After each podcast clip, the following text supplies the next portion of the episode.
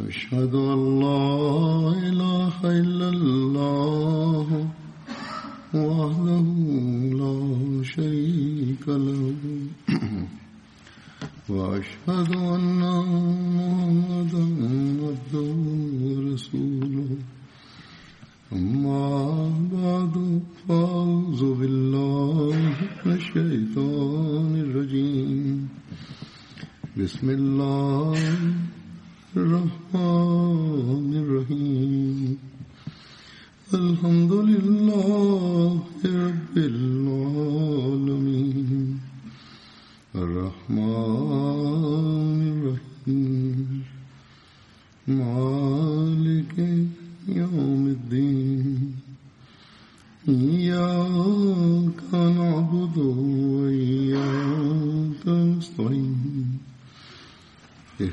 الصراط المستقيم صراط الذين أنعمت عليهم غير المغضوب عليهم ولا الضالين Ayat sahabat Badar yang akan saya sampaikan pada hari ini adalah bernama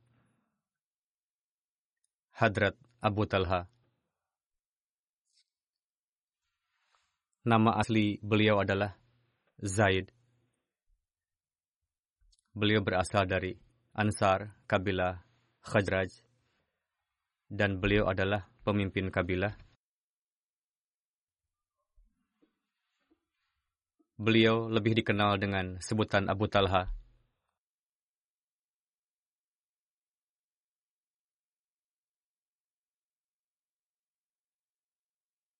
Ayahanda beliau bernama Sahal bin Aswad dan ibunda beliau bernama Ubadah binti Malik. Beliau mendapatkan taufik untuk bayat di tangan Rasulullah pada peristiwa bayat Aqobah kedua. Beliau ikut serta pada perang Badar dan seluruh peperangan lainnya bersama dengan Rasulullah. Ketika Hadrat Abu Ubaidah bin Al-Jarrah hijrah ke Madinah, maka Rasulullah menjalinkan persaudaraan antara Hadrat Abu Talha dengan Hadrat Abu Ubaidah. Kulit beliau berwarna gandum, postur tubuh sedang, dan beliau tidak pernah mengenakan khidab pada rambut atau janggut, yakni apa adanya. Hadrat Anas merupakan putra dari suami pertama Ummi Sulaim. Suami pertama Ummi Sulaim adalah Malik bin Nazar. Pasca kewafatan Malik bin Nazar, Ummi Sulaim menikah dengan Abu Talha. Dari pernikahan tersebut terlahir Abdullah dan Umair. Hadrat Anas meriwayatkan, Hadrat Abu Talha mengirimkan pesan lamaran kepada Hadrat Ummi Sulaim. Ummi Sulaim berkata, Demi Tuhan, saya tidak menolak untuk menikahi pria seperti Anda. Namun Anda adalah seorang musyrik, sedangkan saya muslimah. Riwayat Sunan Nasai. Dan tidak diizinkan bagi saya untuk menikahi Anda. Jika Anda baik masuk Islam, bayat tersebut akan menjadi mahar Anda bagi saya. Saya tidak menuntut apa-apa lagi selain itu. Lalu Hadrat Abu Talha bayat, bayatnya beliau ditetapkan sebagai mahar. Hadrat Sabit radhiyallahu anhu sering mengatakan, saya tidak pernah mendengar dalam Islam berkenaan dengan seorang wanita yang maharnya sangat terhormat seperti ini, sebagaimana maharnya Ummi Sulaim. Hadrat Abu Talha ikut serta bersama dengan Rasulullah pada Perang Badar. Diriwayatkan dari Hadrat Abu Talha bahwa Nabi Shallallahu Alaihi Wasallam memerintahkan untuk mengumpulkan 24 pemuka Quraisy yang terbunuh.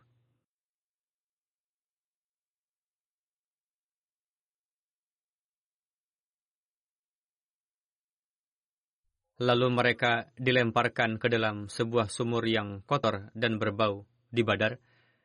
Biasanya, bila suatu kaum mendapatkan kemenangan, mereka tidak akan pulang ke rumah selama tiga malam. Pada hari ketiga dari Perang Badar, beliau meminta hewan kendaraannya dan mengikatnya. Kemudian beliau berjalan yang diikuti para sahabat hingga Rasul berdiri di bibir sumur. Beliau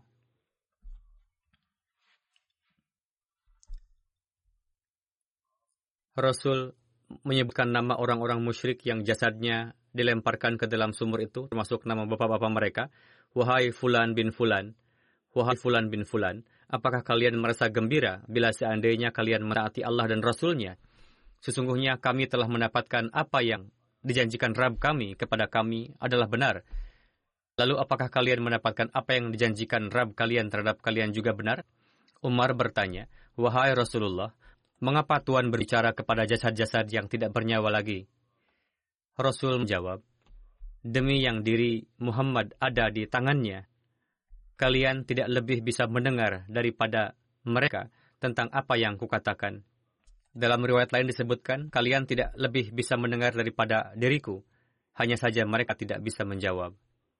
Hadrat Anas meriwayatkan, ketika pasukan muslim terpojok pada perang Uhud, lalu berpisah dari Rasulullah, sementara itu Abu Talha tetap bertahan di dekat Nabi Shallallahu Alaihi Wasallam untuk melindungi Nabi dengan perisainya. Hadrat Abu Talha adalah seorang ahli memanah yang sangat keras ketika menarik tali busur. Pada perang itu beliau mematahkan dua atau tiga busur panah.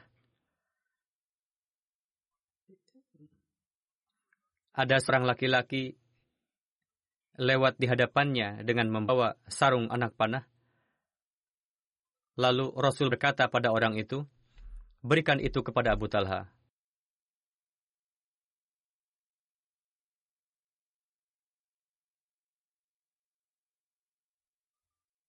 Hadrat Anas meriwayatkan, Rasul mendongakkan kepala untuk melihat keberadaan musuh. Abu Talha berkata,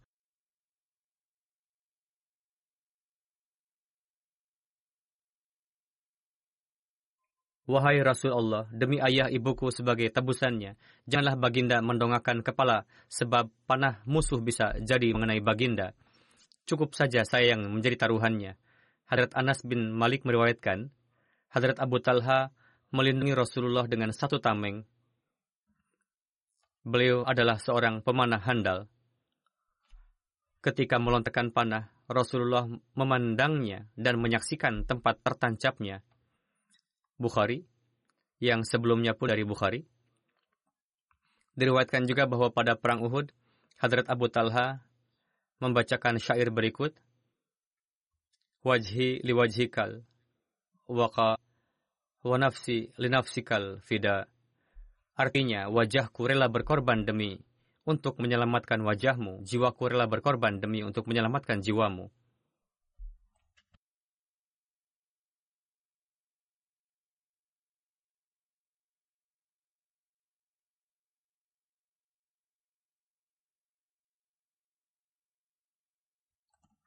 Hadrat Anas meriwayatkan,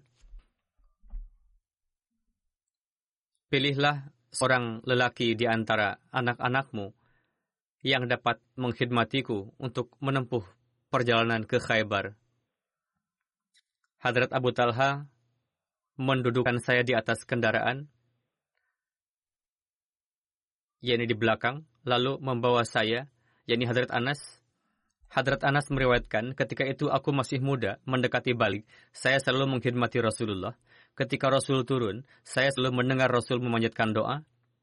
Allahumma inni a'udzubika minal hammi wal huzan, wa a'udzubika minal ajzi wal kasal, wa a'udzubika minal jubni wal bukhal, wa a'udzubika min ghalabati daini wa qahrir rijal. Ya Allah, aku berlindung padamu dari rasa sesak dada dan gelisah, dan aku berlindung padamu dari kelemahan dan kemalasan, dan dari sifat pengecut dan kikir. Dan aku berlindung padamu dari belenggu hutang dan tekanan manusia. Dalam riwayat lain, Hadrat Anas meriwayatkan,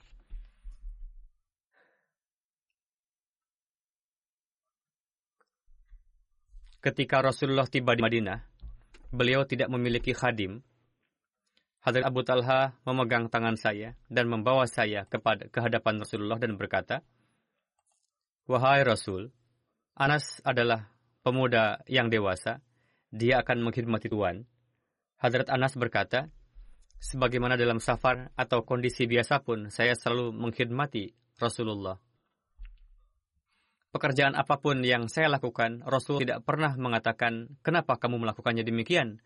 Begitu juga pekerjaan yang saya tidak lakukan, Rasul tidak pernah bersabda, "Kenapa kamu tidak melakukannya begini?" Yakni Rasul tidak suka mengomel. Hadrat Anas bin Malik meriwayatkan, kami bersama dengan Rasulullah ketika Rasul kembali dari Usfan, yakni sebuah nama tempat yang terletak Mekah dan Madinah. Saat itu Rasul tengah mengendarai unta dan istri Rasul juga. Hadrat Safiyah tengah duduk di belakang Rasul.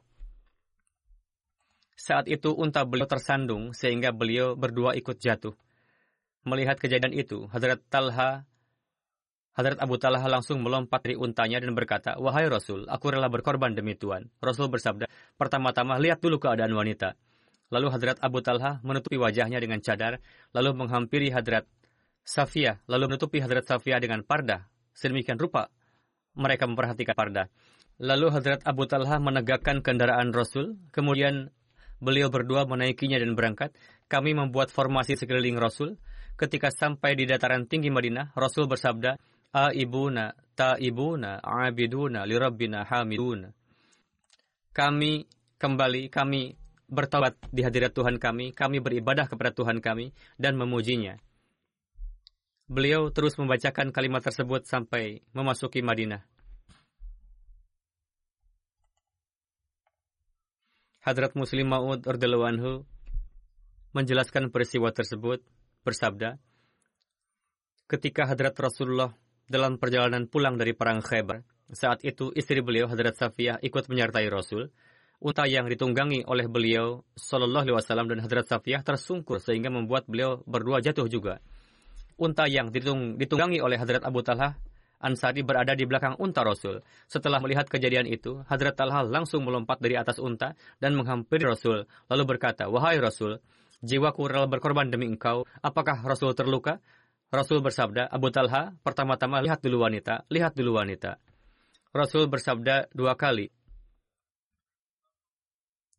Hadrat Muslim Maud bersabda, Abu Talha adalah pecinta Rasul. Ketika berurusan dengan keselamatan Rasul, saat itu bagaimana beliau dapat melihatnya?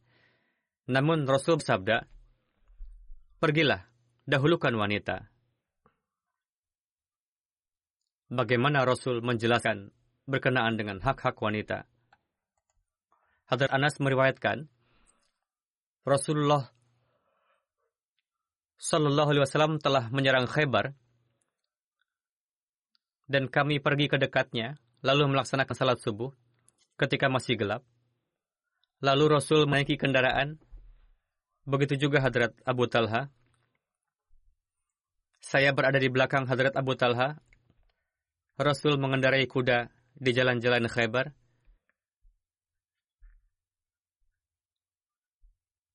Lutut saya bersentuhan dengan paha Rasul karena begitu dekatnya disebabkan oleh panas atau untuk melenturkan, beliau menaikkan salwarnya di atas lutut sampai-sampai nampak kepada saya paha Rasul yang putih. Maksud paha di sini adalah bagian kaki sedikit di atas lutut. Ketika beliau memasuki desa, beliau bersabda, Allahu Akbar. Kharibat khaybar. Inna idha nazalna bisahati qaumin fasa'a sabahul munzirin.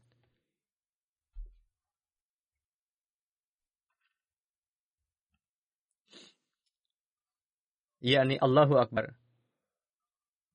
Kharibat Khaybar inna idza nazalna bisahati qaumin fasa'a sabahul munzirin. Allahu Akbar binasalah Khaybar. Sesungguhnya jika kami datang ke tempat musuh, maka hancurlah kaum tersebut yang mana terlebih dulu telah diperingatkan dengan azab ilahi. Rasul bersabda demikian sebanyak tiga kali. Hadrat Anas meriwayatkan, orang-orang pergi keluar untuk bekerja, lalu mereka berkata, Muhammad Sallallahu Alaihi Wasallam, Dan Abdul Aziz mengatakan, beberapa kawan kita mengatakan khamis kepada Muhammad, yakni tentara. Hazrat Anas mengatakan, kami telah berperang dan menaklukkannya, lalu tawanannya dikumpulkan. Maka datanglah Dahiyah Kalbi dan berkata, Ya Nabi Allah, berikanlah padaku satu tawanan wanita di antara para tawanan. Rasul bersabda, silahkan ambil seorang gadis. Lalu beliau mengambil putri Hayi bernama Safiyah.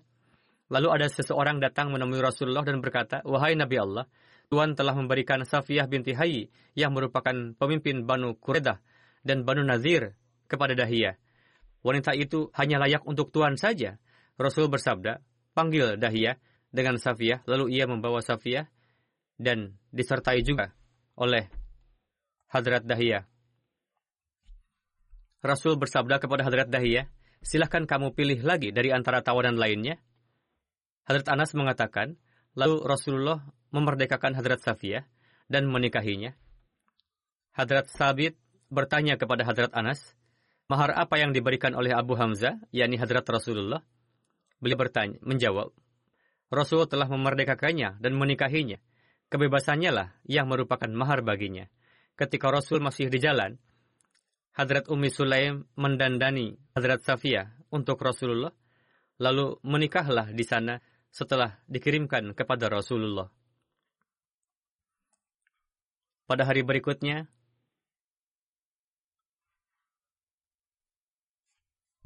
Rasul bersabda, Barang siapa yang memiliki sesuatu, bawalah. Lalu Rasul menggelar taplak dari kulit. Ada orang yang membawa kurma, ghi atau mentega. Abdul Aziz mengatakan, saya rasa beliau pun menyebutkan bubur gandum. Lalu beliau mencampurkan semua bahan tersebut lalu diadon. Seperti inilah undangan walimah pernikahan Rasulullah. Dalam riwayat lain dikatakan, setelah menaklukkan benteng, Hadrat Safiyah menjadi bagian Hadrat Dahiyah. Lalu beberapa sahabat datang menjumpai Rasul dan memuji sifat-sifat Hadrat Safiyah. Begitu juga dari sisi Begitu juga dari sisi kedudukan dan martabat, lebih tepat bagi Hadrat Safiyah jika Rasul yang menikahinya. Lalu Rasulullah mengirim pesan kepada Hadrat Dahiyah,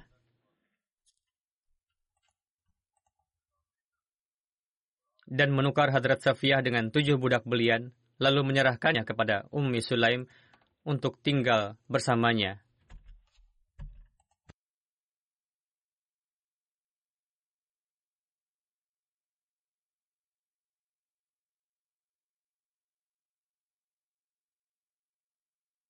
Sebagaimana telah disebutkan di awal, Rasul menikahi Hadrat Safiyah.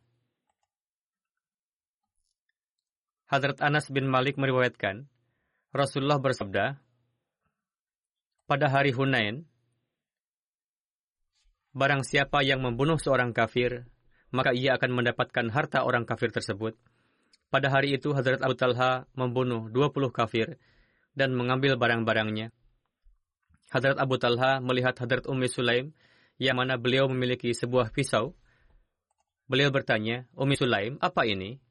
Beliau menjawab, Demi Tuhan, saya berirada, jika ada kafir yang mendekatiku, aku akan merobek perutnya dengan pisau. Hadrat Abu Talha memberitahukan hal tersebut kepada Rasulullah. Sunan Abu Daud. Hadrat Anas meriwayatkan, Rasulullah bersabda, Suara Abu Talha terdengar nyaring di antara bala tentara. Dalam riwayat lain disebutkan bukan jemaat tetapi di antara seratus bahkan seribu orang.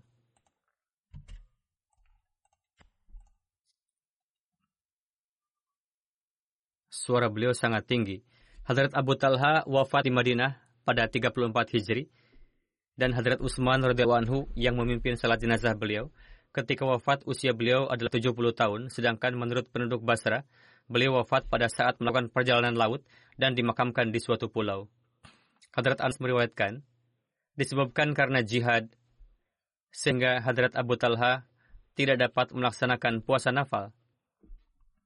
Supaya tetap kuat, Hadrat Anas lebih lanjut mengatakan bahwa setelah Rasulullah wafat, saya tidak pernah melihat beliau tidak puasa kecuali pada saat Idul Fitri dan Idul Adha. yakni setelah itu beliau mulai puasa nafal secara dawam. Berkenaan dengan penghormatan beliau terhadap tamu, terhadap, terdapat keterangan yang diriwayatkan oleh Hadrat Abu Hurairah. Ada seseorang datang ke hadapan Rasul. Rasul mengirimkan tamu tersebut kepada istri beliau. Istri Rasul berkata bahwa di rumah tidak ada makanan kecuali air.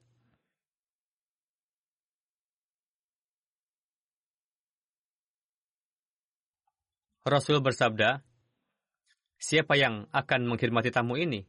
Ada yang bersedia dari kalangan Ansar. Lalu Ansar tersebut membawa sang tamu ke rumahnya dan berkata kepada istrinya, Khidmatilah tamu Rasulullah ini dengan sebaik-baiknya. Istri beliau berkata, di rumah tidak ada makanan, hanya ada makanan yang itu pun belum tentu cukup untuk anak-anak kita. Sahabat itu berkata, siapkan makanan tersebut dan nyalakan lentera. Ketika anak kita minta makan malam nanti, tidurkan dia. Lalu sang istri menyiapkan makanan, dan menyalakan lentera, kemudian menidurkan anaknya. Lalu seolah-olah istrinya memperbaiki lentera padahal mematikannya. Kedua suami istri memberikan kesan kepada tamu seolah-olah tengah ikut makan. Padahal kedua suami istri itu melalui malam dengan perut kosong. Ketika pagi tiba, sahabat tersebut pergi menjumpai Rasulullah. Rasul bersabda, pada malam tadi Allah Ta'ala tersenyum disebabkan karena amalan kalian berdua yakni Allah Ta'ala sangat bahagia melihatnya. Allah menurunkan wahyu, ala anfusihim, walau kana bihim khasasah. Wa may yuqashuhha nafsihi, fa'ulaika humul muflihun. Artinya, mereka lebih mengutamakan orang lain daripada diri mereka sendiri, meskipun mereka sendiri sedang mengalami kesempitan. Dan siapa yang dipelihara dari kekikiran dirinya, mereka itulah orang-orang yang beruntung. Hadrat Anas meriwayatkan, ketika Rasulullah meminta untuk mencabut rambutnya, Hadrat Abu Talha adalah orang pertama yang mengambil beberapa helai rambut beliau Sallallahu Alaihi Wasallam. Hadrat Anas meriwayatkan, Hadrat Abu Talha berkata kepada Hadrat Ummi Sulaim, saya mendengar suara Rasulullah terdengar lemas. Saya mengira Rasul tengah lapar. Apakah kamu memiliki sesuatu untuk dimakan?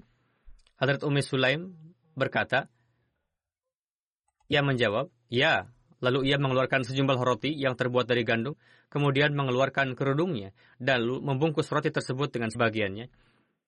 Kemudian ia melilitkannya di bawah tanganku, lalu mengutusku kepada Rasulullah Sallallahu Alaihi Wasallam. Hadrat Anas mengatakan,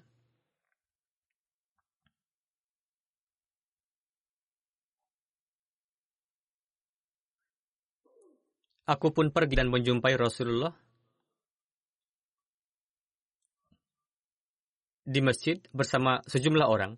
Ketika aku berada di hadapan mereka, beliau bertanya kepadaku, apakah Abu Talha mengutusmu? Aku menjawab, ya. Beliau bertanya, dengan membawa makanan? Aku menjawab, ya. Maka Rasulullah SAW bersabda kepada orang-orang yang bersamanya, berdirilah.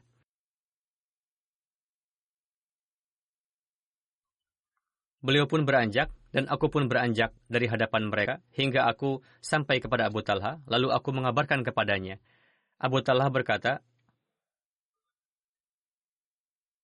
Wahai Ummi Sulaim, Rasulullah Shallallahu Alaihi Wasallam telah datang bersama sejumlah orang, sedangkan kita tidak mempunyai sesuatu untuk menjamu mereka. Ummi Sulaim menjawab, Allah dan Rasulnya lebih mengetahui. Lalu Abu Talha pergi hingga bertemu Rasulullah SAW. Kemudian Rasul datang dan Abu Talha menyertainya. Lalu beliau berkata, Kemarilah wahai Ummi Sulaim, apa yang engkau miliki? Maka ia membawa roti tersebut, lantas Rasulullah SAW memerintahkan untuk membukanya, dan Ummi Sulaim membuat kuah untuk menguahinya. Kemudian Rasulullah mendoakan makanan itu, apa yang hendak dikatakannya. Kemudian beliau bersabda, izinkanlah untuk sepuluh orang. Lalu diizinkan dan mereka makan sampai kenyang. Lalu mereka keluar. Kemudian beliau bersabda, izinkanlah untuk sepuluh orang. Maka ia mengizinkan mereka. Lalu mereka makan hingga kenyang. Kemudian mereka keluar. Selanjutnya beliau mengatakan, izinkan lagi untuk 10 orang. Kemudian mereka semua makan hingga kenyang. Mereka semua berjumlah. Lalu Rasul bersabda, izinkan lagi 10 orang. Lalu mereka sedemikian rupa makan sehingga sampai kenyang. Alhasil mereka semua makan dan makan sampai kenyang. Mereka semua berjumlah 70 atau 80 orang. Ini merupakan kisah keberkatan doa Hadrat Rasulullah SAW. Hadrat Anas meriwayatkan, Abu Talha adalah orang yang paling banyak memiliki kebun kurma di antara sahabat Ansar. Kebun yang paling beliau cintai adalah bernama Birha yang terletak di depan masjid. Hadrat Rasulullah biasa berkunjung ke kebun tersebut dan meminum air bersih di sana. Hadrat Anas berkata, ketika turun ayat yang berbunyi, Lan tanalul birra hatta tunfiku mimma tuhibbun. Yakni kalian sekali-kali tidak akan dapat meraih kebaikan sebelum memberikan sesuatu yang kalian cintai. Lalu bangkitlah Hadrat Abu Talha dan berkata, Wahai Rasul, Allah Ta'ala berfirman, Lan tanalul birra hatta tunfiku mimma tuhibbun. Yakni kalian sekali-kali tidak akan dapat meraih kebaikan sebelum memberikan sesuatu yang kalian cintai. Di antara harta saya yang paling saya cintai adalah kebun biroha yang akan ku sedekahkan untuk Allah Ta'ala. Saya berharap semoga ini menjadi kebaikan yang diterima di sisi Allah. Untuk itu, ketika Allah memerintahkan kepada Tuhan, saat itu kami belanjakan. Rasul bersabda, bagus. Ini merupakan harta yang memberikan faedah atau abadi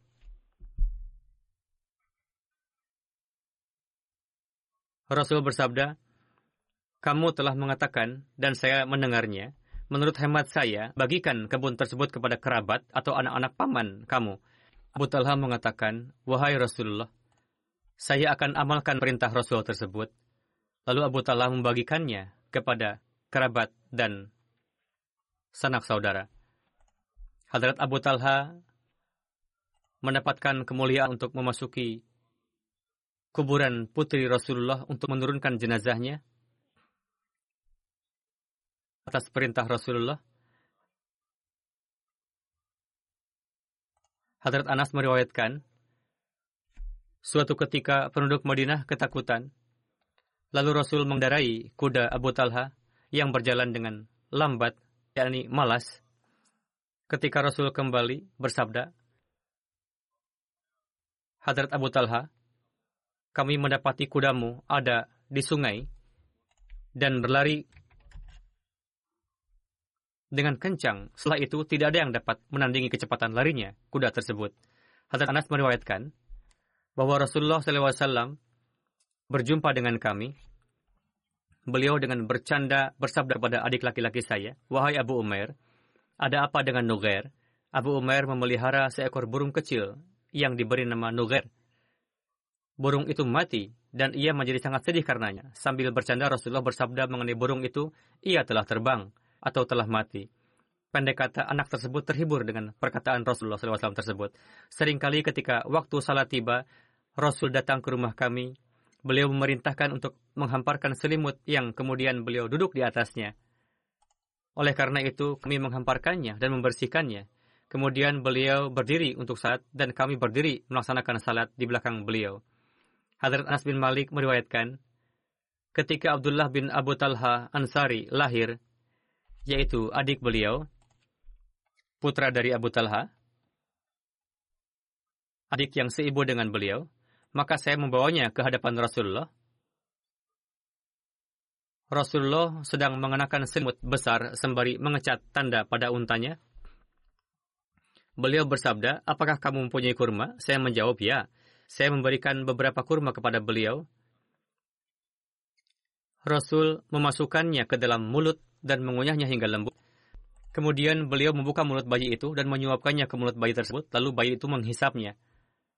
Menghisapnya. Kemudian Rasulullah bersabda, yang paling disukai orang-orang Ansar adalah buah kurma. yakni bayi pun menyukainya, dan Rasul memberikan nama Abdullah kepada bayi tersebut. Hadrat Anas bin Malik meriwayatkan, putra Hadrat Abu Talha sakit, Hadrat Abu Talha pergi keluar, lalu anak itu meninggal. Ketika pulang, Abu Talha menanyakan kepada istrinya kondisi dari putranya. Hadrat Ummu Sulaim menjawab, kondisinya sudah lebih tenang dari sebelumnya. Kemudian beliau menghidangkan makan malam. Sang suami pun menyantapnya. Malam pun berlalu. Kemudian beliau memberitahukan bahwa anak itu telah meninggal. Pergilah untuk memakamkannya. Pada pagi harinya, Hadrat Abu Talha menceritakan ini kepada Hadrat Rasulullah. Hadrat Rasulullah mendoakan anak mereka.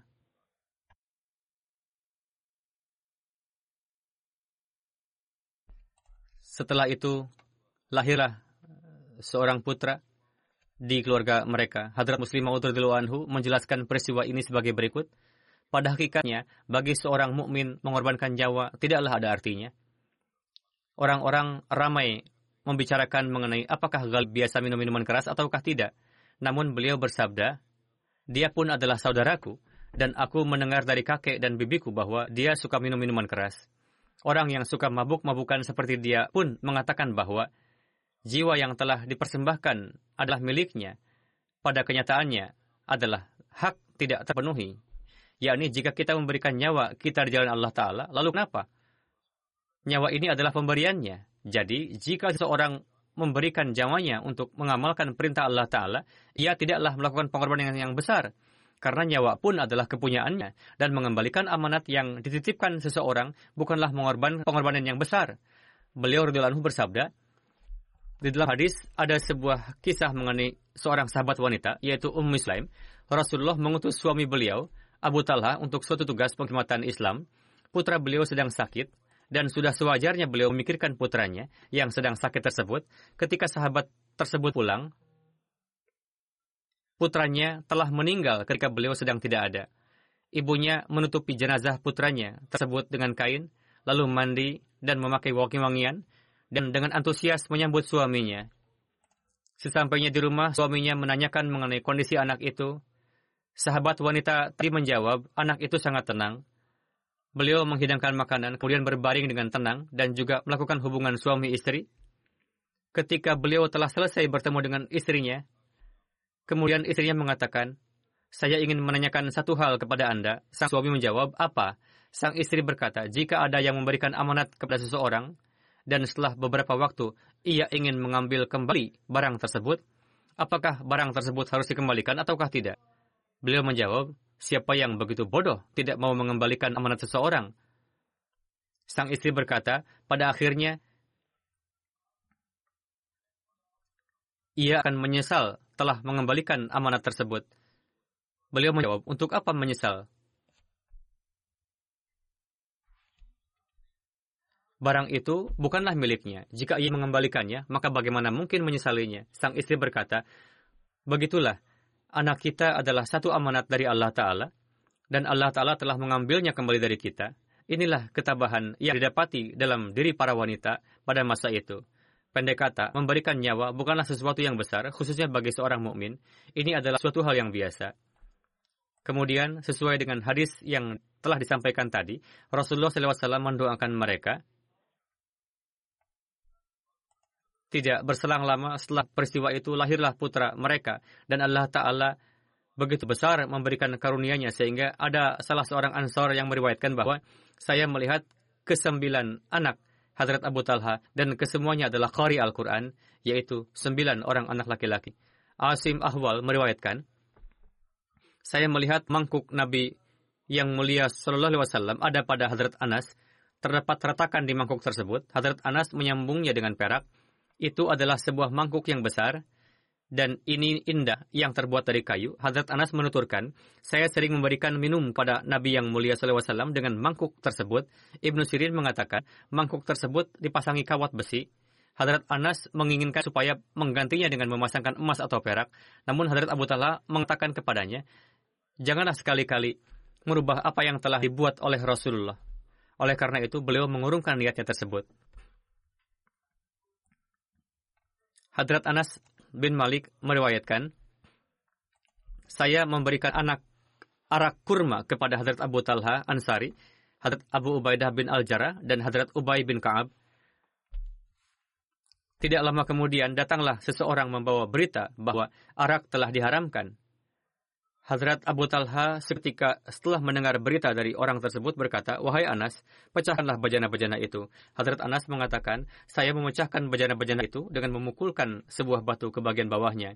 Hadrat Anas bin Malik meriwayatkan, ketika Nabi yang mulia Sallallahu Alaihi Wasallam wafat, di Madinah ada satu orang yang biasa membuat lehat, yakni model kuburan dengan cekuk dengan ceruk di samping dan ada seorang lainnya yang biasa membuat syak model kuburan dengan jenazah diposisikan di tengah dan ditutup dengan atasnya lurus horizontal.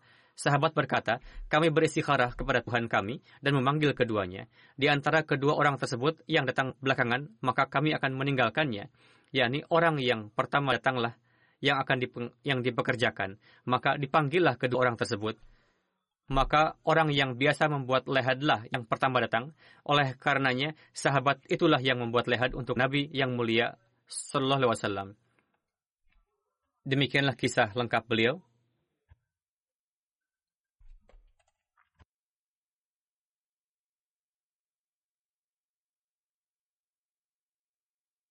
Sekarang, secara singkat saya akan menyampaikan riwayat seorang almarhum setelah salat Jumat, saya akan menyalatkan jenazahnya. Yang terhormat Tuan Babu Muhammad Latif Amritsari, Ibnu Hadrat Mia Nur Muhammad Sahib, seorang sahabat Hadrat Masih Maud salam. Beliau wafat pada tanggal 26 Januari 2020 di Rabuah pada usia 90 tahun. Innalillahi wa inna ilaihi raji'un. Dengan karunia Allah Ta'ala, beliau seorang musi.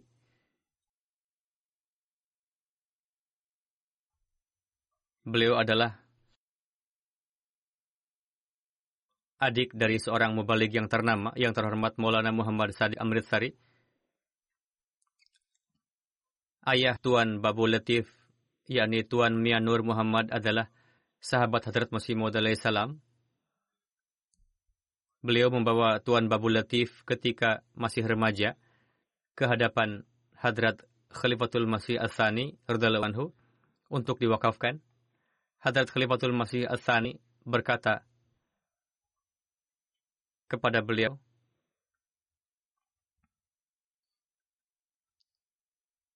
Hadrat Khalifatul Masih Asani berkata kepada beliau, Anda mempunyai dua orang putra. Putra yang pertama telah wakaf zindagi dengan menjadi mubalik. Dia pun akan bekerja sepanjang usianya seperti halnya wakaf zindagi. Demikianlah beliau bekerja seperti layaknya seorang wakaf.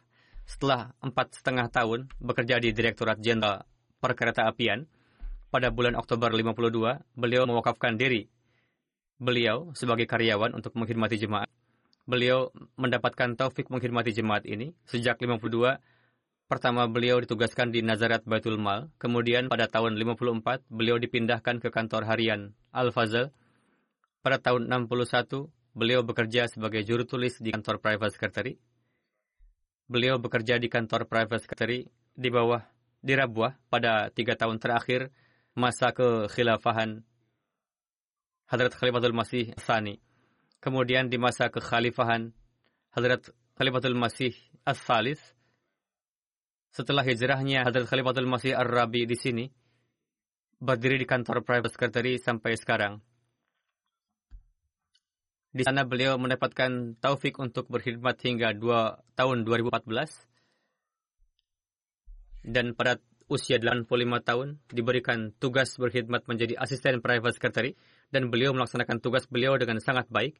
Secara keseluruhan, masa pengkhidmatan beliau adalah selama 62 tahun. Beliau sangat mahir dalam bekerja, sangat cekatan dan fokus dalam bekerja. Dan bersamaan dengan itu, beliau pun memiliki kegemaran menelaah buku-buku jemaat. Beliau menelaah buku-buku jemaat secara mendalam. Secara khusus, beliau mendapatkan taufik berkhidmat dalam nizam syuro. Beliau banyak berperan pada masa khilafat ketiga maupun setelahnya dalam rangkaian pelaksanaan tugas-tugas beliau di private secretary yang kaitannya dengan proses jual beli, beliau dengan sangat cakap dan penuh kerja keras membeli barang-barang dan menjaga harta milik jemaat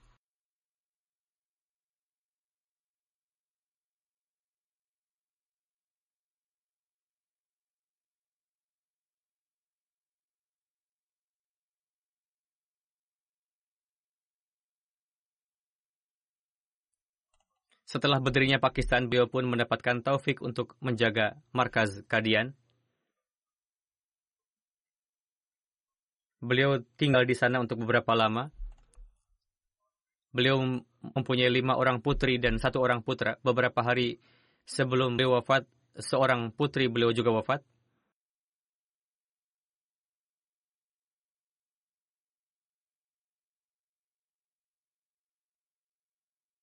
Seorang putra beliau juga adalah mubalik.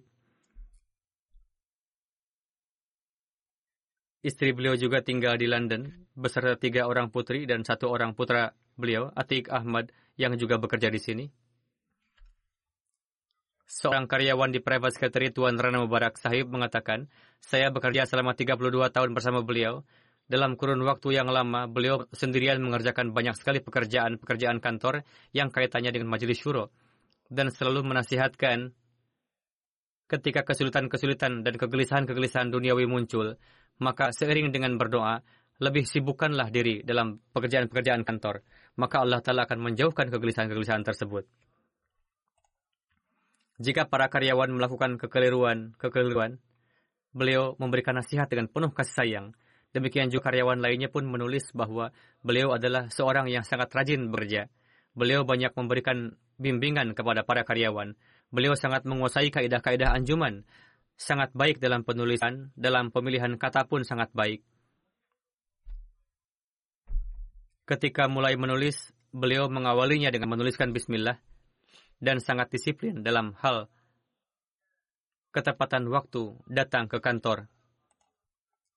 Namun tidak demikian halnya ketika pulang dari kantor. Ketika waktu kantor telah selesai, beliau tidak meninggalkan kantor, melainkan tetap duduk di sana selama pekerjaan belum selesai. Terkadang beliau duduk sepanjang malam dan pulang pada pagi hari keesokan harinya. Saya sendiri ketika masih tinggal di Rabuah berkali-kali melihat beliau melakukan seperti itu. Dengan rajin beliau datang ke kantor. Ketika waktu salat maghrib tiba, beliau datang dari kantor. Demikian juga pada waktu salat isya, beliau datang dari kantor. Terkadang pada waktu salat subuh pun, beliau datang dari kantor.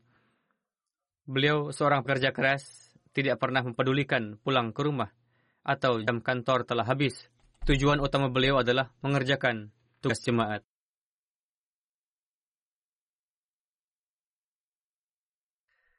Satu keistimewaan lainnya dari beliau adalah tidak pernah memperbincangkan suatu permasalahan dengan orang lain.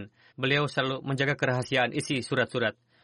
Tuan Nasir Sa'id menulis, pada tahun 74 ketika Hadrat Khalifatul Masih yang ketiga hadir di sidang nasional Islamabad, almarhum berada di sana sebagai staf private private secretary dan selain mengerjakan pekerjaan kantor, beliau juga membantu pekerjaan-pekerjaan lainnya. Beliau mencuci gelas-gelas bersama dan para karyawan-karyawan lainnya. Beliau adalah orang seorang yang tanpa pamrih. So, semoga Allah Taala memberikan rahmat dan ampunannya ampunannya kepada beliau dan meninggikan derajat beliau. Semoga putra-putri dan anak keturunan beliau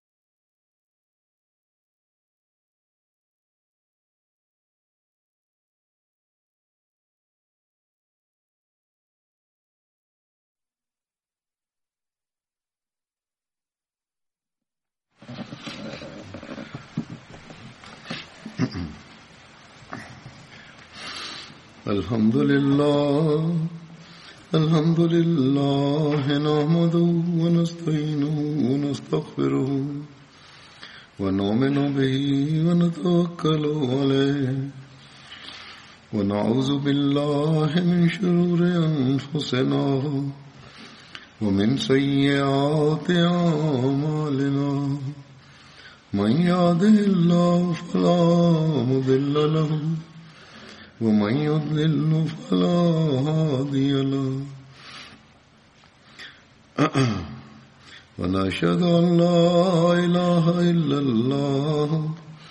ونشهد أن محمدا عبده ورسوله. عباد الله رحمكم الله. إن الله يأمر بالعدل واللسان وإيتاء ذي القربى وينهى عن الفحشاء والمنكر والبغي يعظكم لعلكم تذكرون اذكروا الله يذكركم وادعوه يستجب لكم ولذكر الله أكبر